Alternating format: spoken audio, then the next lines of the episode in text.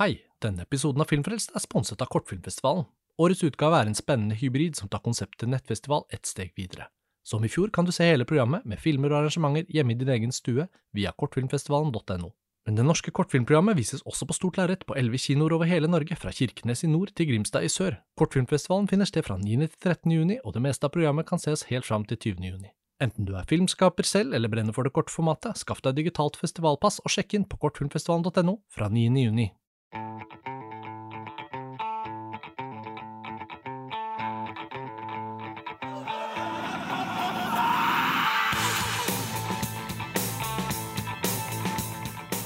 og velkommen til en ny episode av Filmfrelst, podkasten fra filmtidsskriftet montasj.no.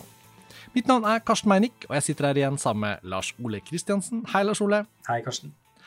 Dette er jo den tredje podkastepisoden vår om Oslo Pix. Og den første vi lagde, var en oppvarmingsepisode om programmet, om hva vi så for oss og hva vi gledet oss til. Og noen filmer hadde vi jo sett fra før av, så vi kunne anbefale lytterne. Og i forrige episode snakket vi om oppvekstfilmer vi så i programmet som hadde mye til felles med hverandre. Og i denne episoden så skal vi fokusere inn på de norske dokumentarfilmene som har hatt premiere under festivalen. Og helt spesifikt skal vi snakke om to filmer. Kenneth Elvebakks Hei verden og Emil Triers Stol på meg. Og vi har blitt enige om å starte med sistnevnte. Eh, Stol på meg er jo kinodokumentaren om storsvindleren Walid Ahmed, som jo er en kjendis å regne i norsk sammenheng, fordi det har vært så mye skriverier om hans litt sånn utrolige historie. Emil Trier går grundig til verks i å gjenfortelle både det og ta oss up to date med hvor han er nå.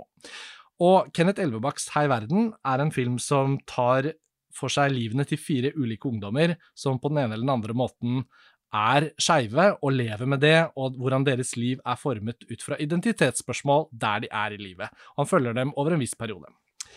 Men vi får starte med trierfilmen. Jeg tenker man kan liksom omtale dette som en litt sånn høyprofilert kinodokumentar, Lars Ole, fordi hovedpersonen er så kjent og så mye omtalt at det knytter seg en viss forventning til hva filmen da eventuelt kan tilføre denne fortellingen. Hvordan opplevde du historien om liksom Walid Ahmed i mediene og frem mot å se filmen?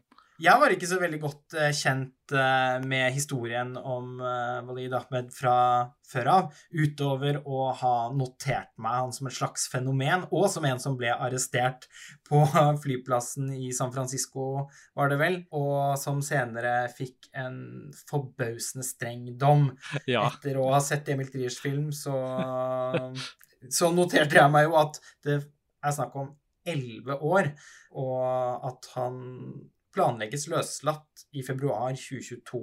Ja, altså, jeg, jeg, mener ikke egentlig å le, for det er jo faktisk en tragedie, dette her også, men man blir jo alltid litt sånn forbløffet over hvor f.eks. strengt det er i Amerika i visse tilfeller, da. At en hvitsnippkriminell eller en svindler, sånn som Ahmed, hvis han tas i Norge og stilles for retten og får en fengselsstraff, så er det jo ikke i nærheten av så ille som han da har endt opp med å få en straff i USA, da. Men um, det ville vel vært seks til tolv måneder i Halden fengsel med Kanskje han ville vel vært uh, vikar på fengselsradioen eller noe sånt, og så kunne han kommet ut og fortsatt med livet sitt. Men som Emil Triers film viser, så er det jo på en måte ikke bare den utrolige fengselsstraffen i USA og hans nåværende situasjon som gjør filmen spesiell og spennende, men det er vel det at eh, Emil Trier er i stand til å virkelig trekke opp et meget bredt tematisk lerret i denne filmen. Han tar jo utgangspunkt i Walid Ahmeds historie, hans opprinnelse og de første svindleriene som ledet til avsløringer i norsk presse, hvorpå han på en måte rømte landet og søkte seg ny lykke i Amerika, og det gikk jo dessverre veldig dårlig, da. Men gjennom alle disse litt sånn utrolige plottmessige hendelsene, så virker Trier hele tiden å være så nysgjerrig på hvem er denne fyren, og hvorfor ble han som han ble, og hva tenker han om det selv? Og da er jo nøkkelen i filmen at Emil Trier ringer Walid Ahmed i fengselet og hele tiden forsøker å få gravd litt i noen nye intervjuer, men aldri får kommet inn og på en måte møtt han inne i fengselet. Altså, det er disse seksjonene med sånn lyd og bundet sammen av andre elementer som gjør filmen til en veldig sånn kompleks vev, da. Jeg, jeg, jeg likte dette veldig godt, og syns det er en film det er verdt å tenke på også etter at man har sett den. Den gir ikke helt slipp. Jeg så filmen i går kveld og ble slått av hvor underholdende den var. Mm. Etter hvert så blir den også emosjonelt medrivende meddrivende, på tross av at eh, hovedpersonen har noe sånn komisk over seg. Bare det at han selv spiller på i løpet av intervjuene med, med, Trier at han ikke nødvendigvis er helt til å stole på. Og vi hø kan høre underveis at han ofte vekter ordene sine i to retninger, for så å falle på den e-, ene siden, mm. og da ikke nødvendigvis formidle den versjonen som er tettest på sannheten. Sannhet i det hele tatt blir veldig relativt i denne filmen, ikke minst også fordi historien i seg selv ikke er til å tro.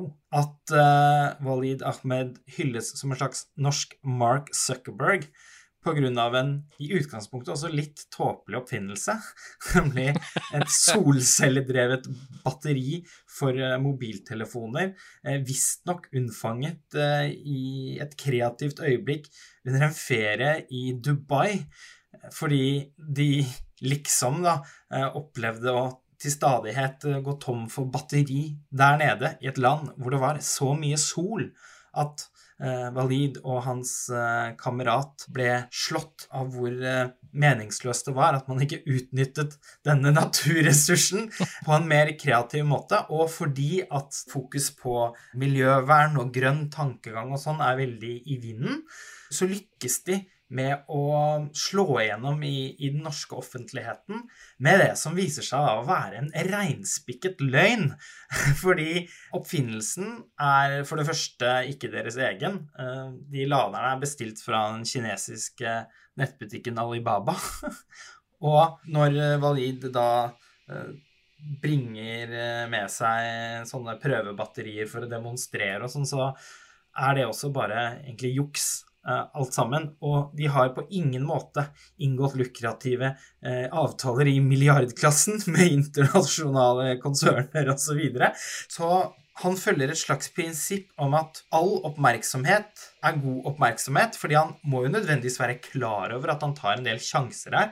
Han er svært oppegående, så han satser liksom alt på at uh, den oppmerksomheten han og kameraten uh, lykkes med å få, kan holdes ved live i alle fall eh, en god stund før løgnen blir avslørt, og at de i løpet av den tiden kan eh, eh, tjene potensielt fryktelig mange penger. Ja, det er jo en helt um, vanvittig svindel i seg selv hvis man tenker på selve produktet som du beskriver nå også. Jeg tenker jo at jeg vet ikke om ting var så annerledes tidlig på 2010-tallet, men uh, men nå føles liksom solcellemobillader litt meningsløst. Når man har sånne små ekstraladere, og i det store og det hele så føles det ut som at man sjelden støter på det problemet i så alvorlig grad. Men Vel å merke eh, kunne de også lade via eh, ja. altså taklys. Ja, og det er jo en kostelig sekvens i filmen når, når Emil Trier klipper sammen hvordan de forskjellige intervjuobjektene som vi da har møtt litt tidligere i filmen, kommer tilbake og på en måte sier jo, og så var det jo dette med at den ikke fungerte, da. Jeg prøvde jo, så han journalisten fra Dagens Næringsliv som har stått for mye avsløringer her, ja, nei, vi satte den under det elektriske lyset. Ja, i løpet Etter en uke så hadde den ladet eh, liksom 1,2 eller ja, ikke sant. Ja, det var vel noen eh, eksperter der som regnet seg fram til at ja, for å lykkes med å fullade mobilen eh, med Valids oppfinnelse, såkalt oppfinnelse, så ville det ta ca. 58 uker. Og da er det jo også veldig interessant at liksom filmen tar hele tiden med seg da perspektivet til svindleren selv om hvordan han skulle liksom rettferdiggjøre for seg selv at noen ville gå på det til en viss grad, da. Som han sier da, så sier han jo jo, men jeg hadde jo kjøpt disse greiene på Alibaba, på en måte, og hvis det er ladet opp på forhånd, så vil jo produktet på en måte vise at det lader den telefonen du plugger det i. Det er bare det at du kan ikke lade den opp igjen ved hjelp av solen, da, sånn som du er. Så det er liksom Trond Giske som har stilt opp, og det må sies at han har, han har jo faktisk eh, Man kan si mye om Trond Giske, men han var raus nok til å stille opp i denne filmen og snakke om det han da ble lurt opp i stry og det er litt sånn sympatisk trekk, nesten. At uh, for en gangs skyld så er det en politiker som ikke bare snor seg rundt og ikke bare skal skjule en eller annen feil han har gjort, men han bare sitter der og bare sier ja, altså, vi trodde på han, og han var liksom den perfekte fyren, ikke sant? Når det politisk korrekte Norge både vil ha nyvinninger, og de vil ha grønne oppfinnelser, og de vil ha god representasjon da, av kjønn, av uh, kulturell bakgrunn og alle disse tingene, for å på en måte introdusere de unge inn i samfunnet og bygge nye talenter og gründere. og det er liksom Alt det velmenende, veldig naive norske blir liksom oppsummert i de perfekte ofrene for Walid Ahmed. Og jeg tenker en del på at man ønsker seg jo litt at Walid Ahmed i fremtiden skal kunne få bruk for det virkelige talentet sitt uten å måtte svindle og begå kriminelle handlinger, og tenke liksom Han er da ekstremt karismatisk og kommunikativ og smart fyr. Liksom, han burde jo, han burde jo ja, hva skal man si, han burde liksom jobbe for sånn insentivordningen for norsk film og sånn opptak av Hollywood-filmer i Norge også. Han burde være sånn fyr som folk møter på som bare Ja, ja, ja, kom her, og ja, ja, bli med på dette, og dere må opp her og filme der. Altså sånn Det var bare et eksempel, da, men sånn, sånne litt sånne hvor, hvor det slu kan komme til nytte. Ja, altså, han er jo en helt suveren retoriker. Og i og med at Trond Giske ikke har noe å miste, da, så kan jo han være ærlig på uh, og ha gått rett på, uh, på limpinnen og være åpen om den på en måte naiviteten som bl.a. bidro til å sørge for at Walid gjorde det så stort. Mm. Samtidig så understreker jo også Giske at han stadig har tro på denne fyren kommer til å skape noe av verdi mm. eh, en dag. Han sier jo at den åpenheten som de møtte han med, det er en risiko man er nødt til å ta for å kunne klare å plukke opp mm. eh, de talentene som finnes rundt omkring. Eh, og som, som, man kanskje finner på de mest overraskende steder. Det er jo morsomt med Det er jo egentlig også en sånn eh, allegori over til norsk film igjen, hvor det er litt sånn der Folk spør jo alltid hvorfor man lager så dårlige filmer innimellom. Og sannheten er jo at i den grad man skal ha sånn statsstøtte og en sånn Så innimellom så må det være mulig å støtte noe man har tro på, som viser seg å ikke bli så bra likevel, da. Og så er det jo egentlig også et fantastisk metaelement her, at Walid Ahmed sin historie i form av å bli Emil Triers første langfilm på kino, da, og et utrolig emne for en film, gjør seg også så godt at det blir verdt det litt sånn i seg selv, da. Kanskje ikke for han, selvfølgelig, som har tilbrakt elleve år i amerikanske fengsler, men det blir jo en uh, fortelling som ikke bare er sånn skremselshistorie og sånn, fordi det er beundringsverdig at Emil Trier ser ut til å ville hele tiden mette filmen med mer. Den er veldig sånn rik på sånn tematisk stofflighet det er ikke bare en film om en svindler, men det er også en film om hvordan han har blitt behandlet av samfunnet. ikke sant? Den naiviteten du sier Giske snakker om. Men det er også liksom en spennende dokumentar. Så den er jo også underholdningsverdi. Jeg tror vi begge syns den var en veldig underholdende film å se. Og på montasje har professor Gunnar Iversen skrevet en analyse av filmen hvor jeg også syns han poengterer veldig godt hvordan filmen liksom tar i bruk hovedpersonens karisma gjør den også litt til sin egen. Da. At liksom hele hans uh, virtuositet som svindler blir liksom med å drive filmen fremover. Og på den måten så tror jeg Emil Trier har gjort noe riktig på veien med at han har inntatt en veldig sånn sympatisk holdning til Walid Ahmed som menneske, som personlighet, men han har aldri mistet den kritiske sansen som gjør at han stiller de spørsmålene, og helt på slutten også, ikke sant, kan jeg egentlig stole på deg? Det er veldig bra, rett og slett.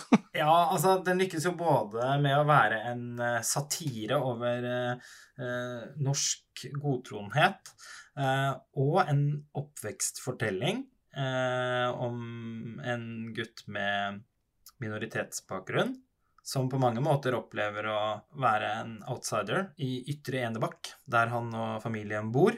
Mm. Og så er den en nesten sånn Asif Kapadia lignende oppnøsting av denne helt vanvittige saken. Og filmen starter med en ganske sånn lang montasje med innmari god originalkomponert uh, musikk av Johannes Ringen, uh, er det vel, mm. som uh, liksom setter i gang blodomløpet litt umiddelbart.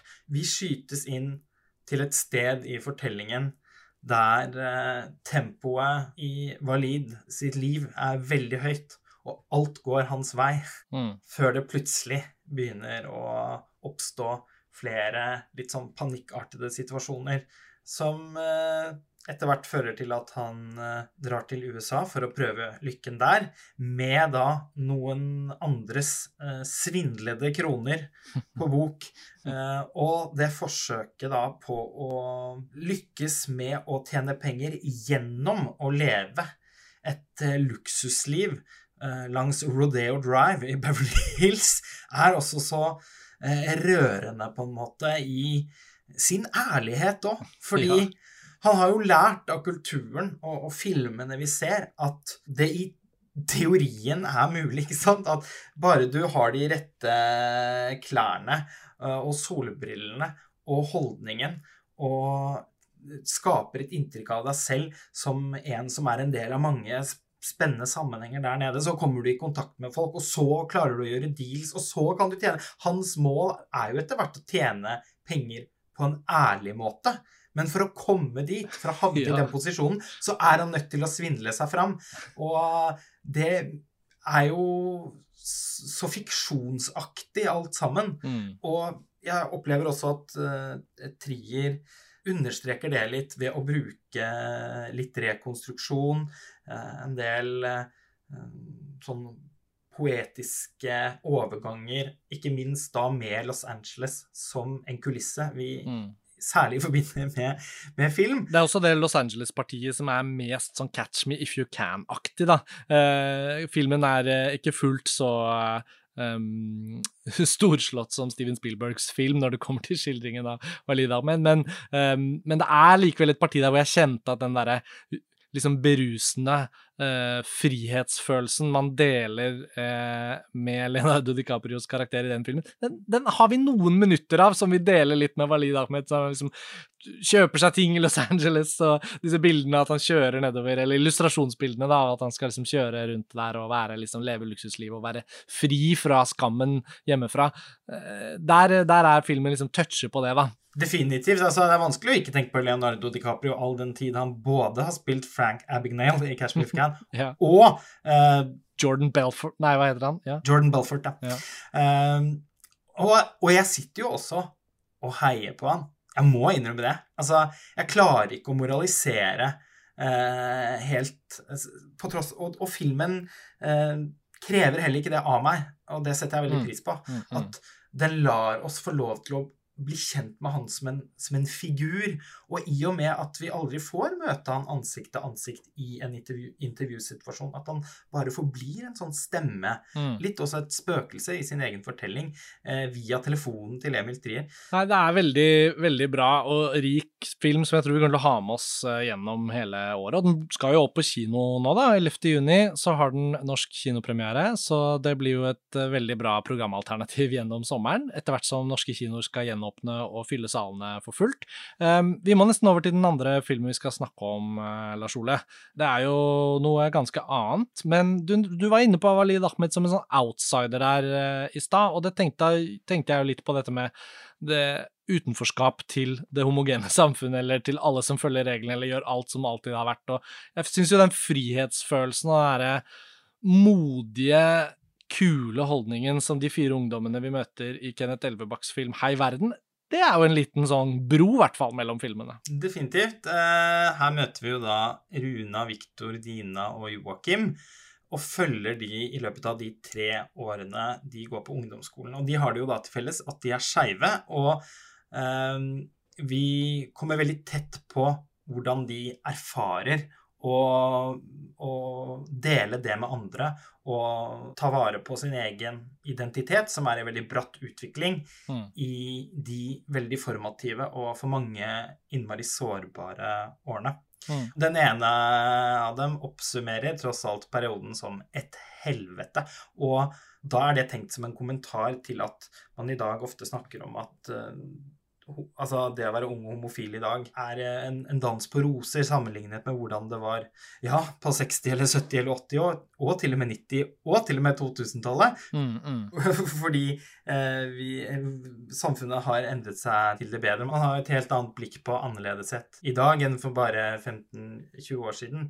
Ikke dermed sagt at det ikke er en innmari vanskelig på en måte rolle å være i, i et eh, klasserom. Eh, og det opplever jeg at filmen skildrer på en veldig fin måte. Den er veldig varm og, og trygg og, og, sympatisk og sterk film om disse fire ungdommene. Jeg tenker, Det føles som om Kenneth Elvebakk her har på en måte hatt, og filmskaperne for øvrig, altså fotograf, alle som har vært involvert, virker som de har hatt en sånn enorm empatisk innstilling åpenbart, men også evnet å på en måte fange opp det helt sånn rå, da, autentiske. Den føles ikke så polert som gjør at man, man, føler man blir frarøvet noen av de vonde øyeblikkene, ikke sant, men det er også ekte når de bare er veldig happy med, med å leve livet som ungdommer som, som, har funnet ut av en del av identiteten som, som jo tross alt er, i alle tilfeller nærmest, eh, en smertefull terskel å komme liksom forbi. Og Elvebakk imponerte, syns jeg, veldig med kinodokumentaren Ballettguttene, som det er vel sånn seks-sju år siden kom. og der var han også veldig god på nettopp det å være tålmodig med å følge unge mennesker over tid. Da handlet det jo om eh, ballettgutter da, og deres eh, trening og, og, og ambisjoner og, og, alt dette. Så her har vi å gjøre også med en filmskaper som har vist at nærmest en form for sånn tilstedeværende tålmodighet har blitt et slags autørtrekk i hvordan filmene hans kan disponere en sånn en sånn slice of life, som ikke bare er et bitte lite slice, men som faktisk er et, en god del av noen unge menneskers liv som gir oss innsikt i helt spesielle skjebner. Altså, jeg må bare si at jeg beundrer veldig hva han utretter i disse filmene. og Nå har vi ikke tid til å gå så i dybden på Hei verden, men, eh, men det er også en kinodokumentar som skal på kino. Skal ikke ha en helt tradisjonell kinolansering, men kommer til å også gå sin rundgang på Den kulturelle skolesekken. og Jeg liker jo tanken på at et ungt publikum i Norge da, skal få se denne filmen, tusenvis av ungdommer, og, og, kanskje mange speiler seg i disse fire rollefigurene, men som ikke selv har så lett for å være åpne om å være skeive, f.eks., eller andre ting. Så Ja, og de er jo litt forskjellige også, ikke sant? Er, og de er eh, kreative og karismatiske og skjønne på hver sin vidt forskjellige måte. Og eh, til å begynne med så satt jeg og tenkte at filmen kanskje kunne oppleves i overkant TV-estetisk. Altså det var noe med på en måte presentasjonen av hovedpersonene og litt sånn kapittelinndelinger og, eh, og, sånn, som hadde noe litt sånn TV-programaktig over seg. Men uh, det tok ikke lang tid før jeg glemte det. Rett og slett bare fordi det er en så jævlig skjønn film, mm. hvor vi kommer så nært de hovedpersonene. Eh, og, og, deres foreldre og, mm. og, venner. Altså, vi får liksom være til stede i noen innmari hverdagslige situasjoner som takket være Elvebakk sitt kamerablikk lades på en, på en, måte som gjør at uh, det blir veldig gripende, da. Og så syns jeg det er veldig fint at uh, alle sammen får vist seg som noe mer enn en identitet. De mm. er mennesker med, eh, med mange interesser eh, og talenter som også får plass i filmen. Jeg syns f.eks. det er helt fantastisk herlig å se hvordan han ene engasjerer seg i, eh, i serien RuPaul's Drag Race. og møter opp på liveseanse i Oslo og får møte altså to av, blant annet to av de aller herligste skikkelsene som har vært innom det showet, nemlig Shangela og Latrice Royale. Eh, jeg er jo selv kjempefan av RuPaul's Drag Race. Jeg syns det er eh, det beste konkurransedrevne reality-programmet jeg noensinne har sett. Og jeg vet hvor utrolig viktig det har vært for eh, mange unge skeive.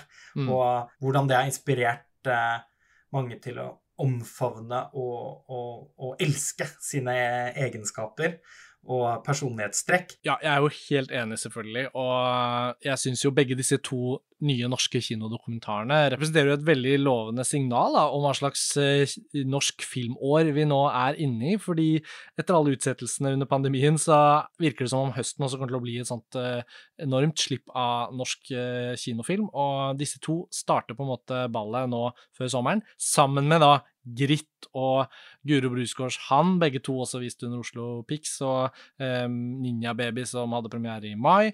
Og ved siden av disse to så må det også nevnes at denne odelsgutt og fantefølge, da, som vi snakket om i oppvarmingspodkasten vår, og som vi er så glad i, også har blitt vist uh, som norsk dokumentar under Oslo Pix. da. Uh, og du har jo ytret din uh, sorg over at den filmen ikke er litt lenger, så den kan oppnå på en måte en form for sånn ja, kinofilmstatus, eller ja. Mm.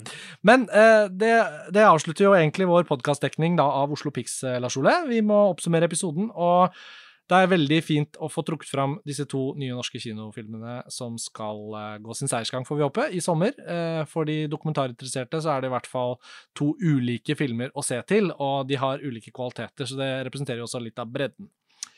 Og avslutningsvis kan vi også nevne at det snart er jo klart for Kortfilmfestivalen, så da blir det nye podkastepisoder fra den norske filmfestivalen Floraen. Lars Ole, takk for praten og takk for denne gang, så høres vi snart igjen. Vi snakkes. Ha det bra. Ha det bra.